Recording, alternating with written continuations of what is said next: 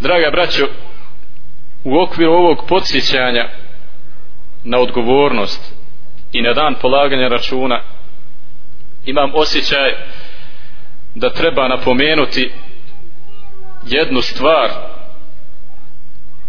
koja nam promiče a koja je često uzrok naših međusobnih sporova i ljutnje obzirom da smo već prije govorili o bratskim odnosima možda se uklapa možda se uklapa da nastavimo u tom kontekstu govoriti i o ovom problemu.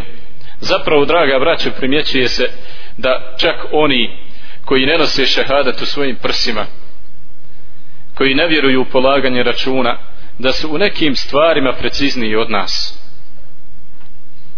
da su u nekim stvarima savjesniji od nas. Da su u nekim stvarima jednostavno da kažemo bolji od nas.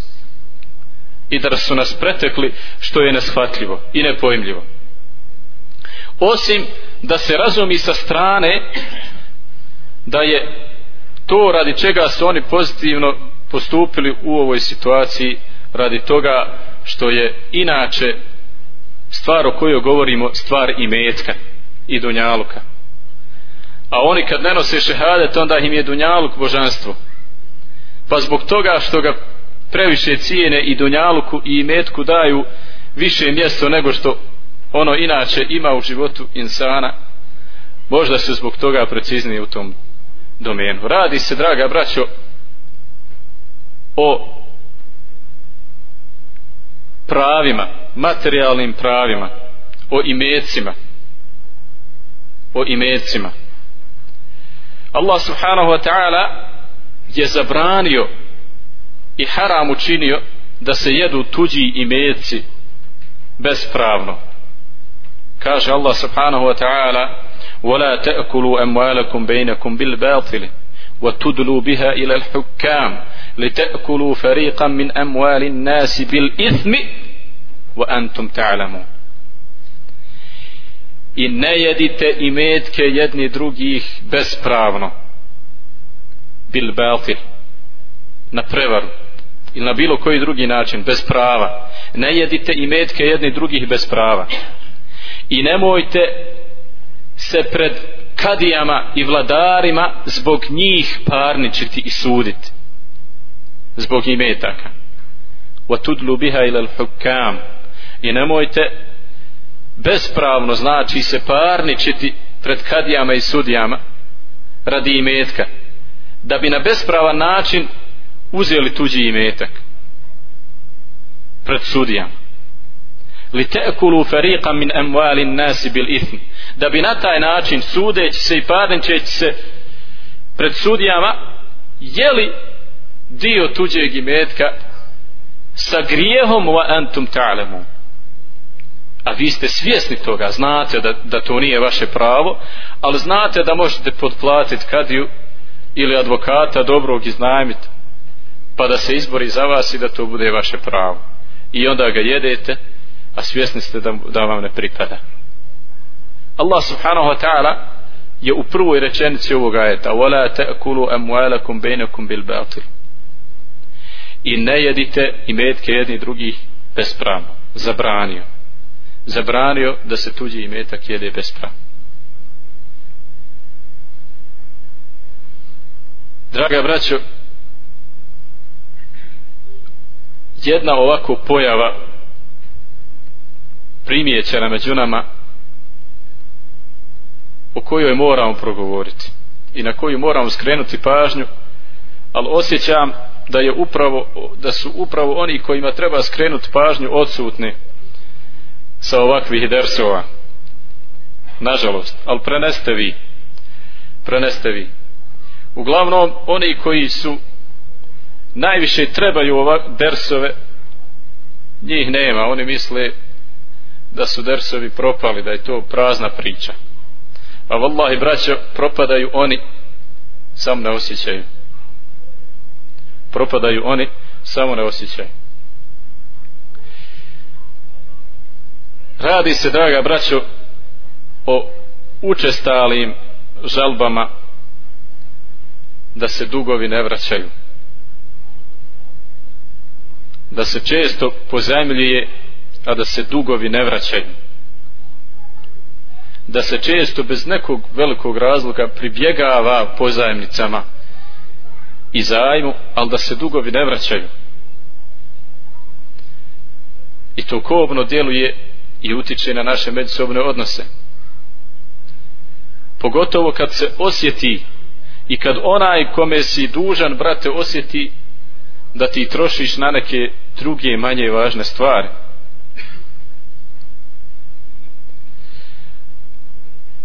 A Allah subhanahu wa ta'ala je zabranio da jedeš tuđi imetak bespravno. Najgore od svega je da se jednostavno pozajmljaj, pozajmljivajući od drugih ljudi i ne trudeći se da vratimo jednostavno se hranimo haramom. Punimo svoj trbuhe haramom i naše mišice jedraju od harama. U mogućnosti smo da vratimo ili možda nismo u mogućnosti ali i ne dajemo ništa od sebe da bi dug vratili. Još gore od toga je da kad pozajmimo i dogovorimo se na određeni rok kako je Allah subhanahu wa ta'ala propisao da se rok za vraćanje duga odredi i kad dođe određeni rok da se mi jednostavno pravimo da smo zaboravili.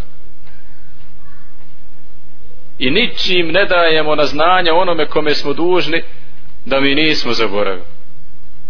A onaj kome smo dužni možda ga stidi ili nešto drugo ga sprečava da nam napomeni. I tako vrijeme prolazi. I mi mislimo da smo time nešto ušićari e nismo dragi brate nismo. Jer to je propast za tebe u tom slučaju.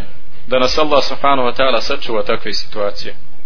U tome je propast za tebe. Zato što kaže Allahu poslanik sallahu alaihi wa sallam كل المسلم على المسلم حرام دمه وماله وعرضه svaki musliman je drugom muslimanu haram. Njegova krv i njegov imetak i njegova čast. U drugom hadisu kaže poslanik sallahu alaihi wasallam inna dima'akum wa amalakum wa a'radakum haramun alaikum. Zaista su vaši imeci i vaša čast i vaša krv. Zaista je vaša krv na prvom mjestu pa vaši imeci i vaša čast haram vama. Znači haram je između vas jedan drugom. Krv znači da povrijedimo jedan drugog fizički.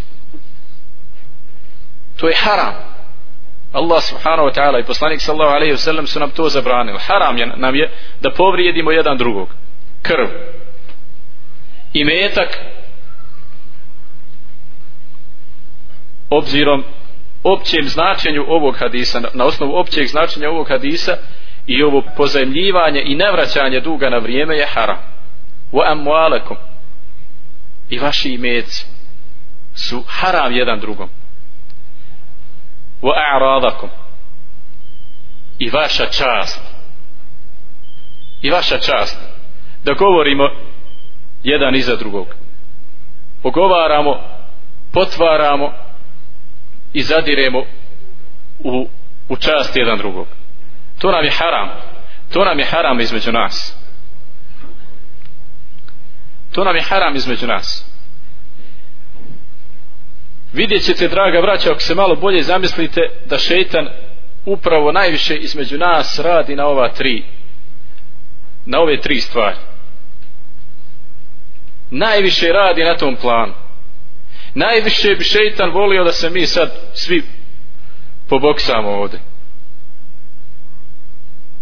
zato oni koji su manje oprezni od nas tako često posežu za argumentom čega? argumentom budalaštinje misli ako on ima dobre mišiće da je to dobar argument. I tako često se volimo pljesnut po širokim prsima. Maša Allah momčina draga braćo zaista su vaša krv između vas harama. Zatim imeci i o imecima večeras govorim. I čast i čast je tako česta stvar u koju mi zadiremo jedan kod drugog.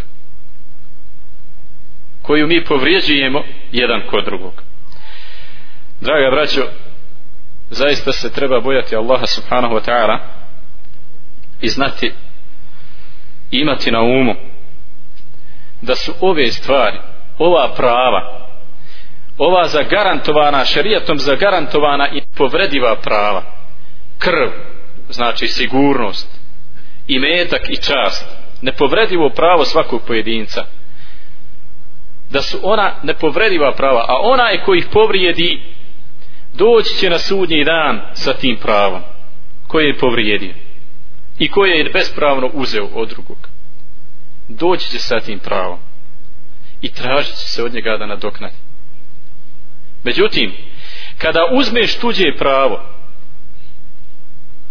kada nekoga zakineš u nečemu od ovih stvari nije ti dovoljno samo da se pokaješ nego moraš to pravo vratiti nije ti doz, dovoljno samo da te obu učiniš Allahu subhanahu wa ta'ala nego moraš i pravo vratiti nego moraš i pravo vratiti nekako i metak i možeš vratiti kad dođeš se pa vidiš da moraš vratiš.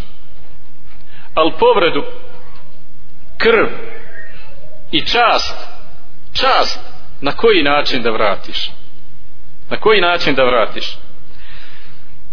Zato draga braćo ovo treba dobro o ovome treba dobro voditi računa. A tako je lahko zadrijeti u, ova, u, u čast nečiju. Jezik brzo za udara po vlazi naših usta i onda više ne možeš riječ vratiti. Gotovo i onda to ostaje šta? Trebaš tražiti halala. Trebaš učiniti te obu i trebaš tražiti halala od onoga koga si povrijedi. Prije nego što dođeš na dan kad ne bude više moglo se rješavati ni dirhemom ni dinarom toga dana kada dođemo pred Allaha subhanahu wa ta'ala nema dirhema i, dir, i dinara. Nema eura. Ništa ne možeš kupiti završeno. Što si zaradio zaradio ostaju samo dobra i loša djela ostaju samo dobra i loša djela zato o tome dobro i strogo treba voditi računa kaže poslanik sallahu alaihi wasallam من كانت عنده مظلمة لأخيه من عرضه أو من شيء فليتحلله منه اليوم قبل أن لا يكون دينار ولا درهم إن كان له عمل صالح أخذ منه بقدر مظلمته وإن لم يكن له حسنات أخذ من سيئات صاحبه فحمل عليه kaže poslanik sallallahu alaihi ve sellem ako neko je nekome učinio nepravdu nek od njega traži oprost sad danas ovog trenutka nek oprost traži sad. Zašto sad? Prije nego što dođe dan u kojem nema dinara i dirhema. Ako bude imao on dobrih dijela ako bude imao dobrih dijela uzet će se od njegovih dobrih dijela pa će se dati onome koga je povrijedio i čije je pravo uzeo. A ako ne bude imao dobrih dijela uzet će se od loših dijela onoga koga je on povrijedio i čije je pravo uzeo pa će se na njega natovariti. Pa će se na njega natovariti. Zato dragi brate ako ima kakav dug naravno najosnovnije je da se potrudiš da vratiš. A ako te zadesila teška situacija onda da se uljudno izvijeneš i tražiš odgod. A ako si nekoga povrijedio svojim jezikom znaj da mu ništa naštetio nisi. Ako si ga okalju i zadru u njegovu čast ništa mu naštetio nisi. I što je taj koga si okalju veći griješnik više će se imati šta uzeti od njega pa natovariti na tebe. Znači njegova zaliha je veća. Imat će se šta uzeti pa natovariti na tebe zato čuvajem svoje jezike između sebe. Draga braćo kada je u pitanju dug kada je u pitanju dug moramo imati na umu neka osnovna pravila lijepog ponašanja. Lijepog ponašanja. Spomenuli smo naprijed kako se ljudi jednostavno pravi da su zaboravili? Zaboravili. To je jako ružno. To je jako ružno. Zašto? Ako nisi u mogućnosti da vratiš onda stavi na znanje onome kome si dužan da nisi ti zaboravio ali da ne možeš da vratiš. I traži odgodu. Traži odgodu ili ako ne možeš da vratiš sve onda vrati makar jedan simbolični dio. Stavi insanu na znanje da nisi zaboravio da stojiš iza tog svog duga da ćeš nastojati da ga vratiš. I time će ovome lahnuti i neće ti nimalo zamjeriti. I ostaju opet lijepi odnosi između nas. A ti onako praviš se da si zaboravio i misliš da si time nešto riješio. Nisi, samo si napravio belaj. Kakav belaj? Pa onaj kome si dužan nije on zaboravio. Iako neće da ti kaže. On nije zaboravio. I još mu više gnjev i ljutnju podiže tvoje tako drsko ponašanje i okretanje glave. Još mu teže pada. Teže mu je to nego što mu ne možeš da vratiš. Ili nećeš. To mu je teže. Zato treba se čuvat draga braća dove onoga kome je nepravda učinjena a da se ne vrati dug a u mogućnosti je nepravda zulm. kaže poslanik sallahu alaihi wasallam matlul ganije zulmun odgađanje onoga ko može vratiti dug je zulm. a mazlum onome kome je nepravda učinjena šta je sa njim između njega i Allaha subhanahu wa ta'ala nema perde, nema nikakve zavjese. I šta misliš da digne ruke i dovi protiv tebe? Šta misliš? Kaže arapski pjesnik namet ujunuke wal mazlumu muntebihun. Jedu alejke wa ainu Allahi lam tanam. Tvoje oči spavaju a onaj kome si učinio nepravdu ne spava. On je budan dovi protiv tebe Allahu čije oči ne spavaju. Znači Allah je budan čuje njegov do. Prenosi se da je umro preselio jedan čovjek pa je poslanik sallahu alaihi sallam za njega rekao huwa finnar. On je u vatri pa su ashabi otišli da vide da malo pogledaju ga da vide zbog čega je u vatri. Pa su našli kod njega ogrtač koji je pritajio od ratnog plina jedan ogrtač. Aba, aba je obično ogrtač. Pritajio od ratnog plijena. Od Ibn Abba se prenosi se isto tako radijallahu anhuma u hadisu da je na Hajberu da su ashabi Allahovog poslanika sallahu alaihi wasallam na Hajberu prolazili pored ljudi nakon bitke. Pa kad bi vidjeli da je onaj pao pogođen govorili bi taj i taj je šehid. Pa kad god bi koga vidjeli da je pao i da je ubijen govorili bi taj i taj je šehid sve dok nisu došli do jednog i rekli taj i taj je šehid pa je rekao poslanik sallahu alaihi wa sallam kad su to rekli za njega rekao kella inni raeituhu fin nari fi berdatin galleha nikako. Rekli za njega i on je šehid. Ne. Kaže poslanik sallallahu alaihi sellem nikako.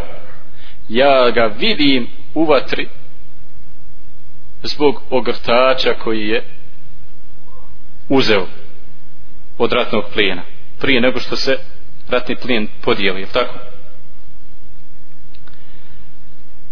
Od Ebu Hurere isto tako prenosi se hadis koji je vezan za Hajber da su izašli sa Allahom poslaniku sallahu alaihi wasallam na Hajber pa je Allah subhanahu wa ta'ala dao pa su pobjedili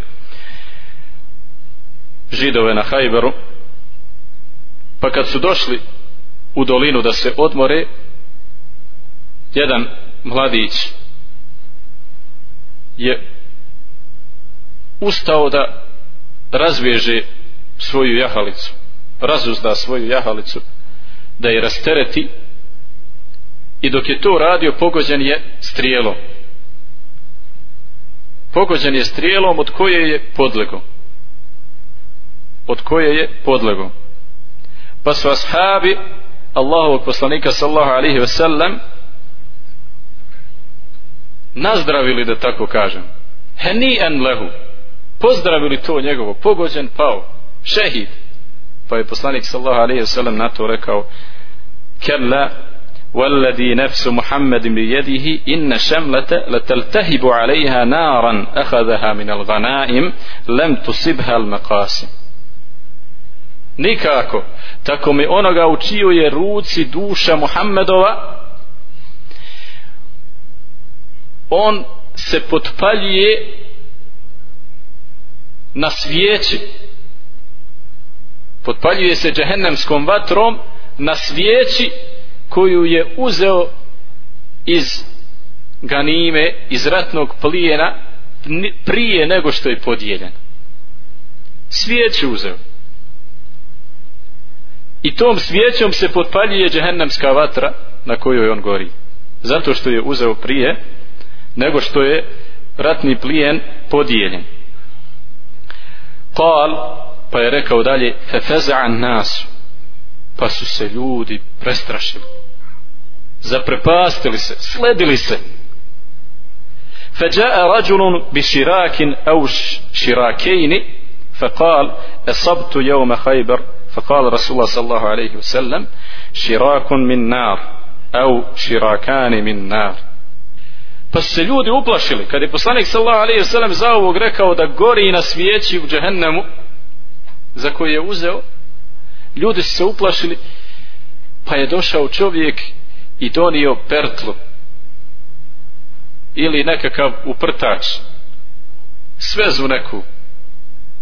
Donio poslaniku sallallahu alejhi ve sellem ili kaže ravija ili je donio dvije neke svezice kojom se veže obuća ili nešto drugo. Donio dvije te svezice i kaže Allahom poslaniku sallahu alaihi ve sellem uzeo sam to na hajberu. Kaže poslanik sallahu alaihi ve sellem pertla od vatre. Ili dvije pertle od, vart, od vatre. Uprtač od vatre. Draga braćo ovi hadisi govore o pritaji ratnog plijena. Spominjemo ih ovdje da bi istakli koliko je težak taj materija, tu materijalno pravo.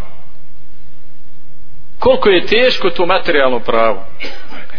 Koliko je pitanje i metka teško pitanje i veliko pitanje i u najmanjim sitnicama u svijeći, u pertli i u najmanjim sitnicama. Pitanje metka i pitanje zarade. I pitanje onoga što mi unosimo u svoju utrobu je ogromno pitanje. Veliko pitanje u koje mi s prolaskom vremena i kako se navikavamo na namaz i učenje Kur'ana sve manje vodimo računa. A'udhu billah da nas Allah sačuva od svakog gafleta. Od Zaid ibn Khalid radijallahu anhu prenosi se da je umro jedan od ashaba Allahovog poslanika sallahu alaihi ve sellem pa su spomenuli Allahovom poslaniku sallahu alaihi ve sellem da je umro pa je rekao Allahov poslanik sallahu alaihi ve sellem sallu ala sahibikum klanjajte vi dženazu svom sahibu. Fetagajerat vuđuhun nas li dalik pa se ljudi lica im se izmijenila zbog toga. Zašto? Poslanik sallahu alaihi wasallam neće da klanja njemu nego kaže njima klanjajte mu vi. Njihova lica se promijenila pa je rekao Allahu poslanik sallahu alaihi wasallam inna sahibakum galle fi sabiri zaista je vaš prijatelj uzeo od ratnog plijena. Pritajio od ratnog plijena.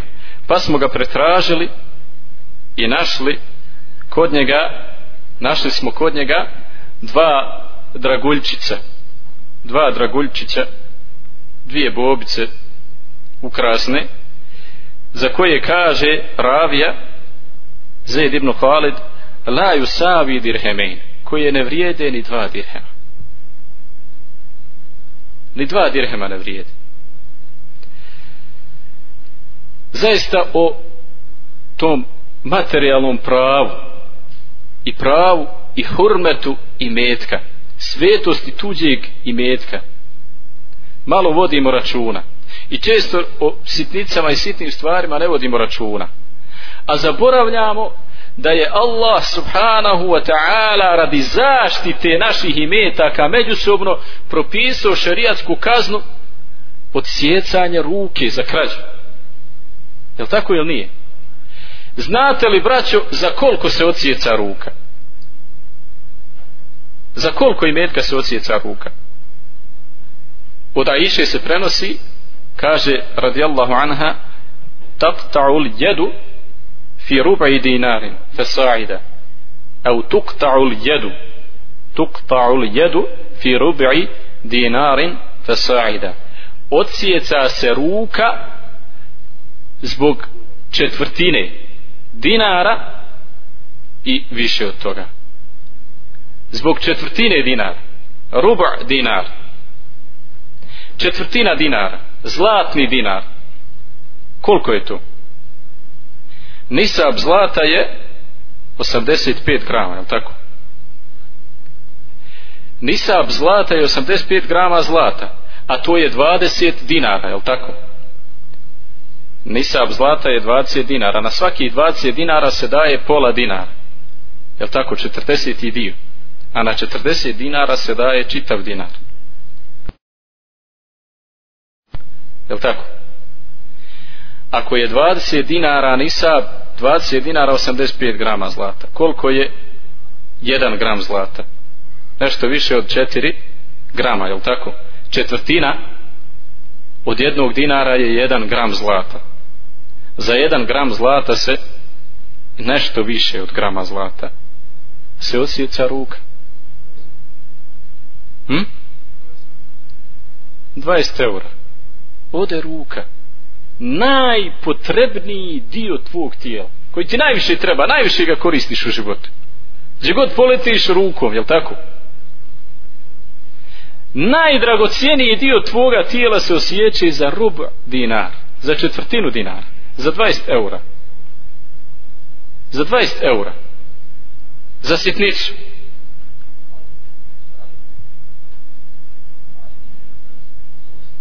Koliko je 7-8 eura. E, još manje znači. Još manje. E toliko je znači i toliko je na vagi šerijata težak tuđi hak i teško pravo u tuđem imetku. Da se za takvu beznačajnu sumu ocijeca ruka.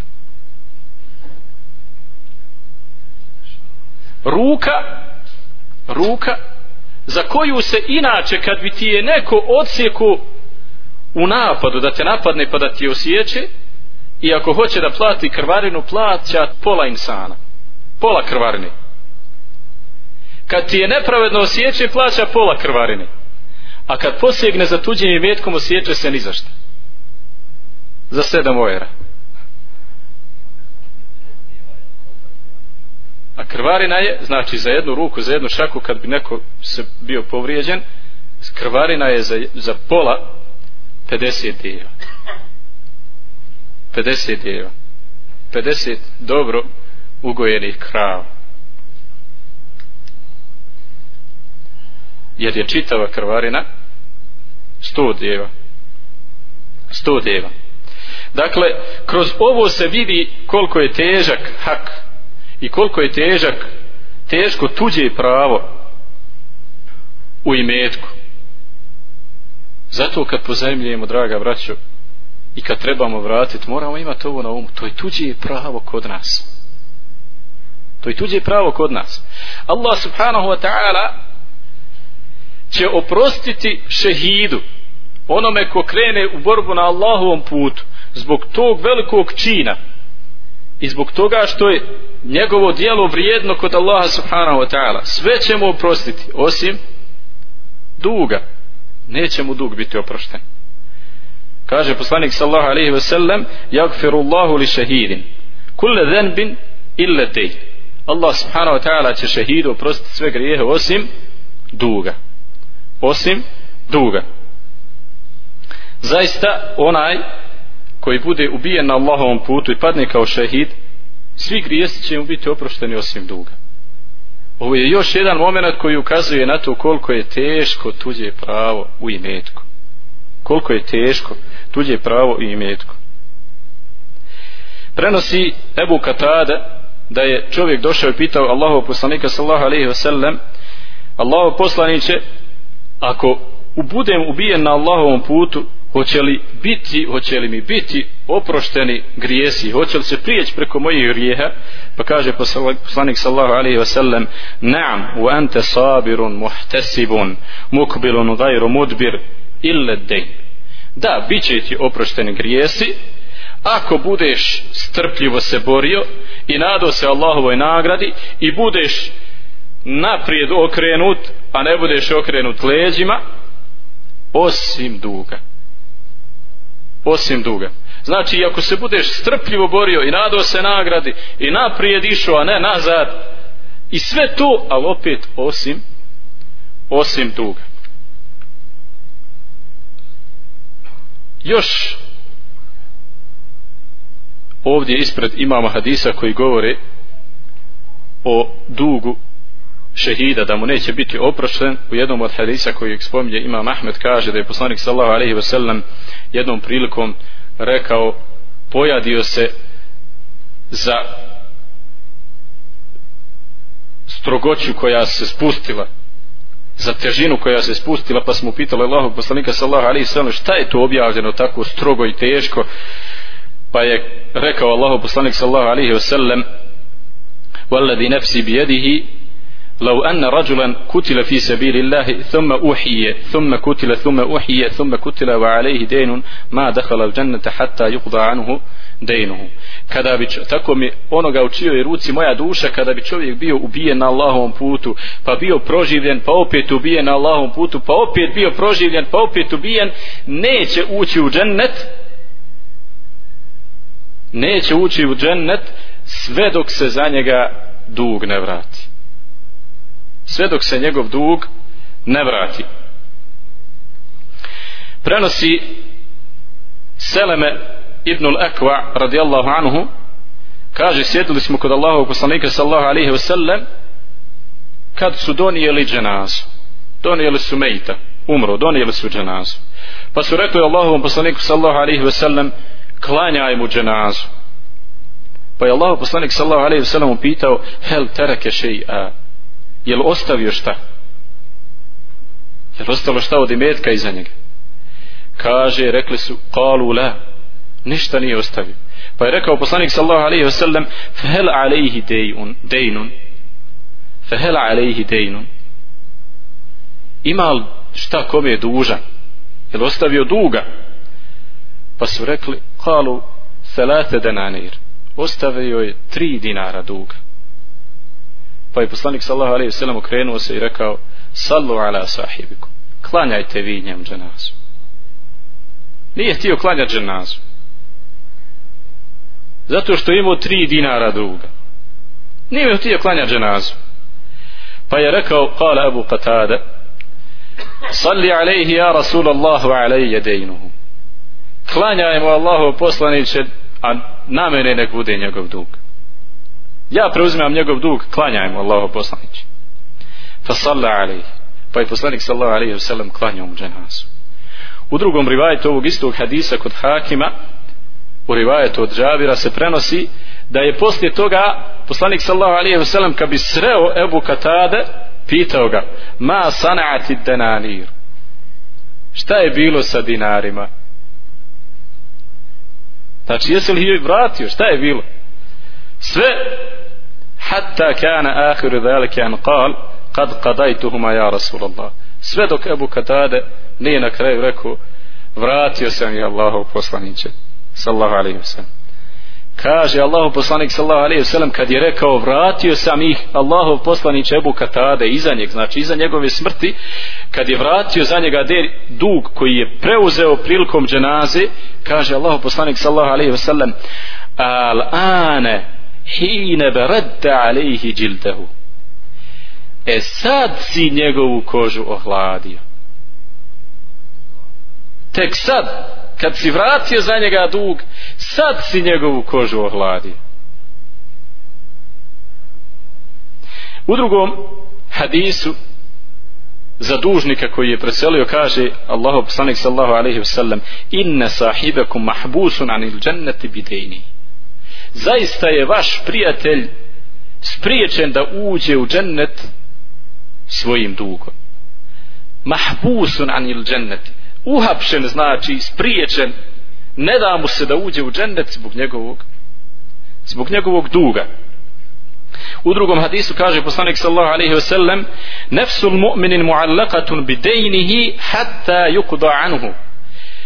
Duša ili mu'min je svezan za svoj dug svezan za svoj dug privezan za svoj dug sve dok se za njega ne vrati. Sve dok se za njega taj dug ne vrati. U drugom hadisu kaže poslanik sallahu alaihi wasallam koji prenosi Ebu Musa al-Ashari radijallahu anhu da je poslanik sallahu alaihi wasallam rekao inna a'zama dhunubi inda Allahi أن يلقاه بها عبد بعد الكبائر التي نهى عنها أن يموت الرجل وعليه دين لا يدع له قضاء zaista je najveći grijeh nakon onih velikih grijeha koje je Allah subhanahu wa ta'ala zabranio velikih grijeha najveći grijeh poslije toga je da rob sretne svoga gospodara a da je ostao dužan a nije ostavio ono čime će se taj dug vratiti. Nije ostavio ništa da se taj dug za njega vrati. Draga braćo, kada se radi o dugu i o dugovima, koliko god čovjek nastojao, nekad ga može situacija i kader da zadesi, da zaista ostane u teškoj situaciji da ne može da vrati. Na takve, na takve se ne odnose ove prijetnje ako je zaista imao nijet jer kako kaže Allah Allahu poslanik sallahu alaihi ve sellem u hadisu men akhadha amwala an-nas yuridu edaha, ada Allahu anhu wa men akhadaha yuridu itlafaha atlafahu Allah ko uzme od ljudi i metak znači uzme dug pozajmnicu s nijetom da je vrati i trudi se da je vrati Allah subhanahu wa ta'ala će za njega vratiti. Ako uzme tuđi imetak s namjerom da ga potroši Allah će ga upropastiti. Allah će ga upropastiti. Ovdje yuridu an yutlifaha znači želi da ga potroši bez, a da ga ne vraća. Da ga ne vraća želi da ga potroši Allah subhanahu wa ta'ala će ga upropastiti na kraju drage vrate onaj ko ti je pozajemio on je učinio dobro dijelo prema tebi bio i dobročinitelj prema tebi, je tako? Učinio ti je dobro, izašao ti u susret. On je bio dobročinitelj prema tebi i ti na njegovo dobročinstvo kako uzvraćaš? Na koji način uzvraćaš? Na koji način?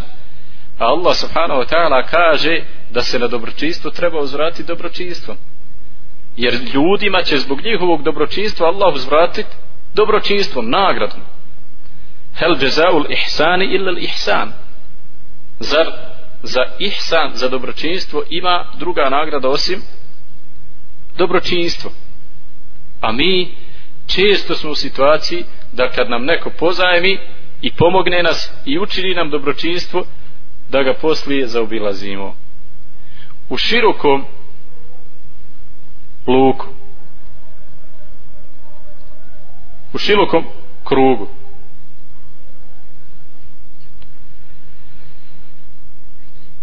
Kaže poslanik sallahu alaihi wasallam innama, jaz, innama jaza'u salafi alhamdu wal ada zaista je nagrada za pozajmnicu zahvala znači da nagradiš nekoga što ti je pozajmio je zahvala i da vratiš dug je zahvala i da vratiš dug. Kaže u drugom hadisu Allah poslanik sallahu alaihi ve sellem hijarun nasi ahsanuhum e tadaen najbolji ljudi su oni koji najbolje ispunjavaju svoje dugove.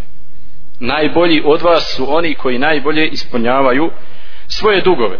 Samo uzimanje duga samo po sebi nije uvijek pokuđen čin jer je poslanik sallallahu alaihi wasallam bilježi se uzimao pozajmljivao ali je bio i najbolji u vraćanju dugova.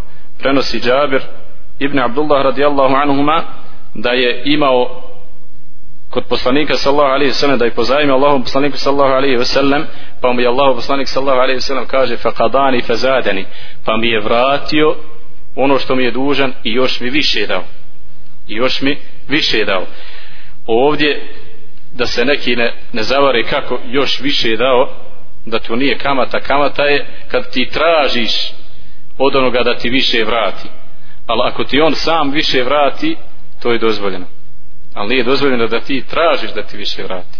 Iz ovog hadisa se vidi da je poslanik sallahu alaihi sellem vraćao i više nego što je što je pozajmio. Zaista u svemu se treba ugledati Allahovog poslanika sallallahu alejhi ve sellem pa i u ovoj stvari. Kaže Allah subhanahu wa ta'ala lekad kana lakum fi rasulillahi uswatun hasana. Zaista vi Allahov poslaniku sallallahu alejhi ve sellem imate najbolji najbolji primjer. Najbolji primjer. Treba strogo voditi računa draga braćo da se čovjek ne ponižava i ne pozajmljuje bez potrebe. Pogotovo da gomila dugove. Da dozvoli sebi poniženje pozajmio pa nije nije onaj vratio od pozajmio od drugog pa nije nije onaj vratio pozajmio od trećeg i onda ga dugovi sklope i neće ih moći vratiti.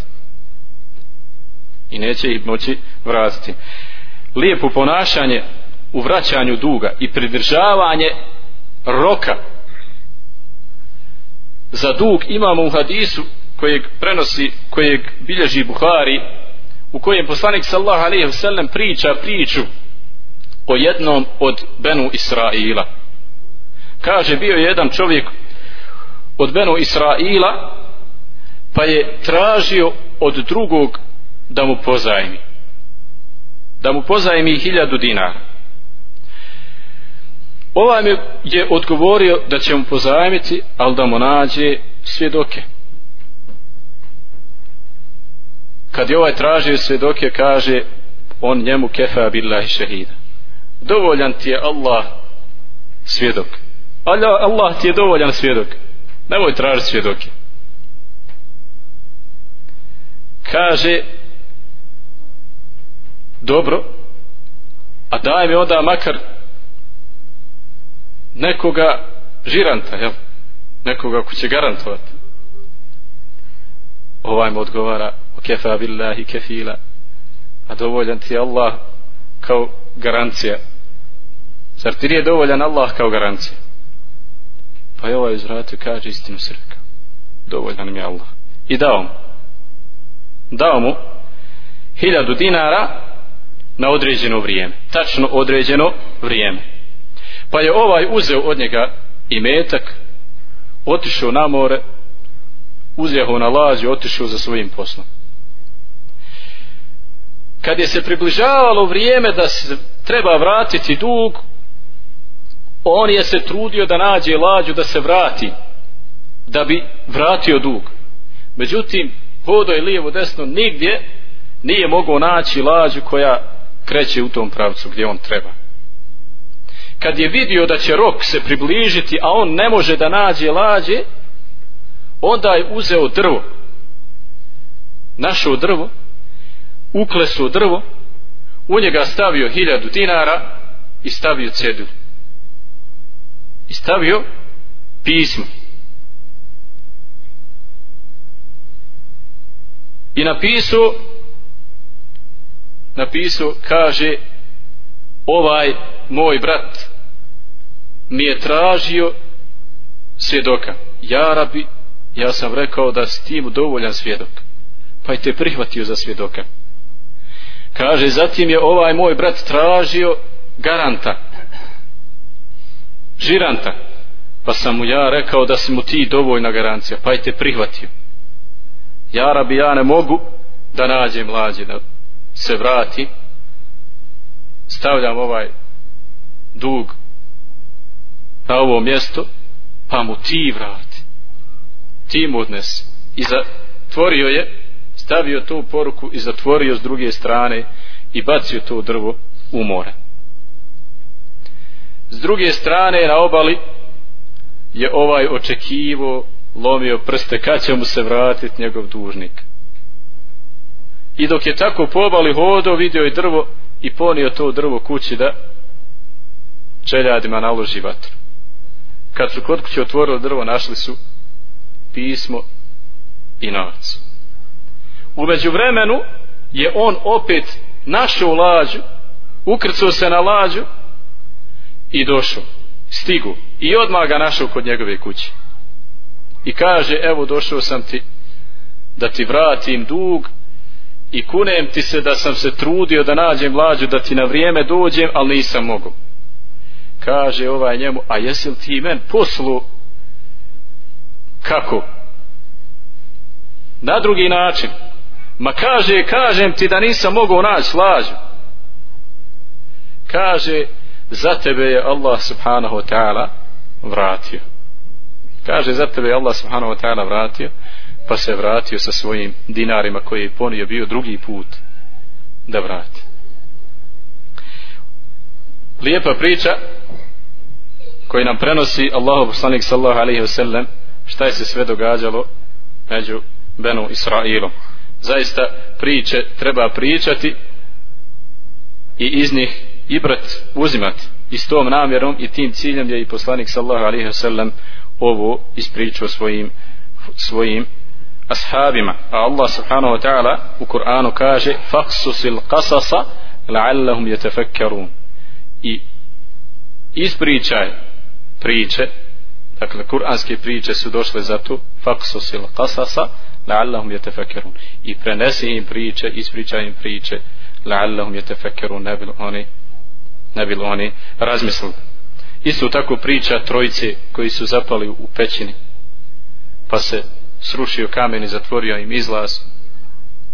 Pa su onda, onda posredovali kod Allah subhanahu wa ta'ala tražili i dobili svojim dobrim dijelima pa je jedan od njih isticu svoje dobročinstvo prema roditeljima i rekao ja rabi ako sam to učinio tvoje ime i rad tvojeg zadovoljstva otvore nam izlaz pa se kamen malo pomaku otvorilo se malo.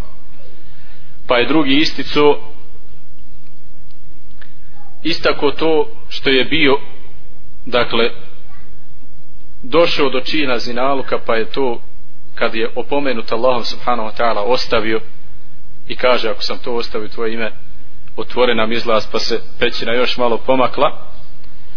I na kraju jedan od njih što je jako bitno kaže imao sam jednog radnika pa je otišao a nije naplatio sve. Otišlo je, ostalo je, ostala je plaća. Nisam mu sve platio, otišao je. I onda to što je ostalo od njegovog imetka kod mene napredovalo i množilo se i razvijalo se. I nakon izvjesnog vremena došao je po tu svoju jednu platu. Po sitnicu. Kad je došao i kaže gdje je moja plata? Da mi vratiš kaže sav ovaj metak što vidiš to je tvoja plata. Kaže nemoj se sa mnom ismijavati. kaže ne ismijavam se nego je se tvoj metak ono malo što je ostalo razvijalo i evo sad je ovo sve tvoje. I kaže u tvoj ime sam mu sve dao i sve otjeru ništa ostavio nije. I onda se pećina još otvorila pa su izašli iz pećine ispašani bili. Ispašani bili zbog između ostalog i doslednosti u čuvanju tuđih hakova i tuđeg i tuđeg imetka. Kaže poslanik sallallahu alaihi wasallam men jaa yawm al-qiyamati bari'an min thalath dakhala al-janna ko dođe na sudnji dan čist od troga ući će u džennet. Ko dođe na sudnji dan čist od troga ući će u džennet. El kibr od kibura oholosti. Ko bude čist od oholosti ko se ne bude lupo po širokim prsima ući će u džennet. I ko bude čist od gulula pritajivanja ratnog plijena ili bilo na koji drugi način pritajivanja tuđeg imetka tuđeg imetka. I ko dođe čist od duga i ko dođe čist od duga. Jedna od tri stvari od koje ako čovjek dođe čist pred Allaha ući će u džennet. Jedna od te tri stvari je je dug. Je dug. Draga braćo o ovim materijalnim problemima o ovim materijalnim problemima se može govoriti iz više aspekata. Mi ćemo se večeras ipak zadržati na ovom dugu i opomeni na dugove i opomeni na težinu na težinu tuđeg haka i tuđeg prava u tuđim u, i prava tuđih prava u njihovim imecima. U njihovim imecima. Zaista čovjek ako imalo njegov nefs i njegova duša ako je imalo namirisala miris imana. I ako imalo ima želje i čežnje za džennetom i imalo straha od džehennema ovo večeras je dovoljno da ustane s ovog mjesta čvrsto odlučan prije svega ako je sam dužan da što prije dug vrati ako nije u mogućnosti da svog prijatelja posjeti i zatraži od njega na lijep način, na najljepši način da mu halali što ne može sad vratiti i da traži odgodu. I isto tako da prenese onima za koje zna da su dužni a ne mare za svoje dugove da ih opomene i podsjeti na tuđe pravo i na njihove na njihove dugove.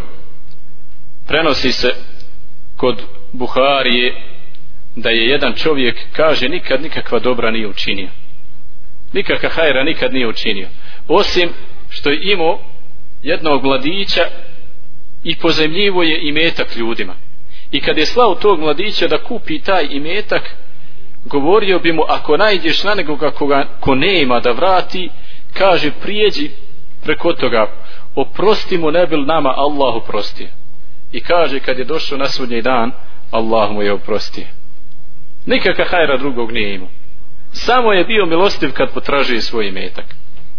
Ovo do sad smo govorili o opasnosti duga.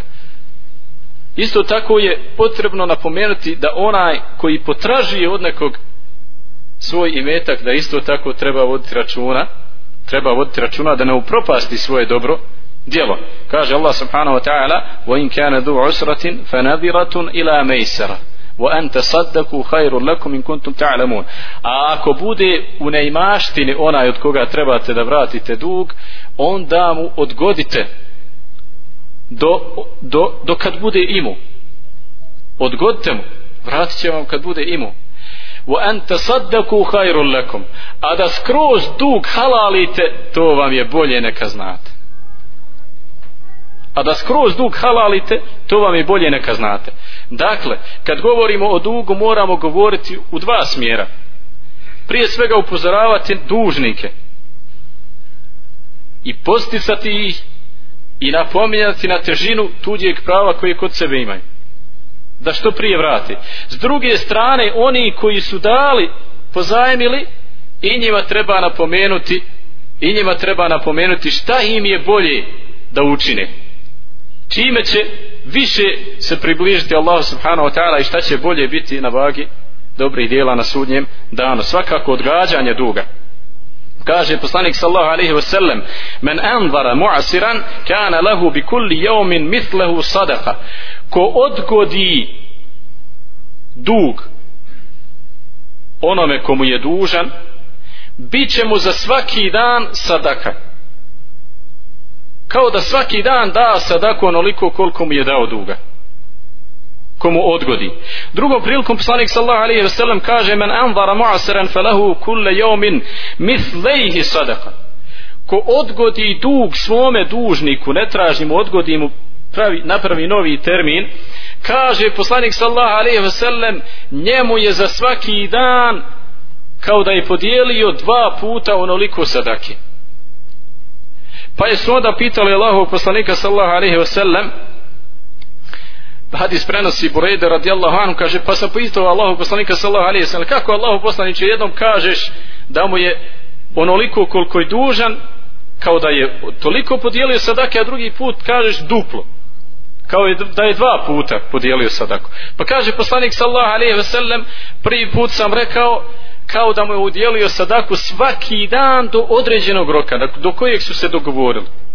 Kad pozajmiš nekome svaki dan ti se broji da si udjelio sadaku koliko si mu pozajmio dok ne dođe termin da ti vrati dug.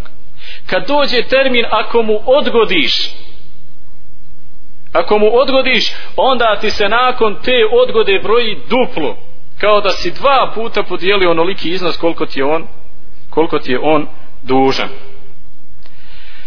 toliko draga braćo molim Allaha subhanahu wa ta'ala da nas učini od onih koji će pozemljivati drugima i biti spremni da odgađaju rok povrata a da nas učini i od onih koji kada dođu u tešku situaciju i budu primoreni da pozajme da to vraćaju u naj u dogovorenom roku i prije toga molim Allaha subhanahu wa ta'ala da nam rasvijeti naša srca rasvijetli naša srca da nam Allahov šarijat približi i učini dragim i da nas učini od onih koji će po Allahovom šarijatu želiti da se ponašaju i nastaviti da se tako ponašaju i koji će činiti sve da Dunjaluk ne bude zapreka našem islamskom bratstvu i lijepim odnosima među nama.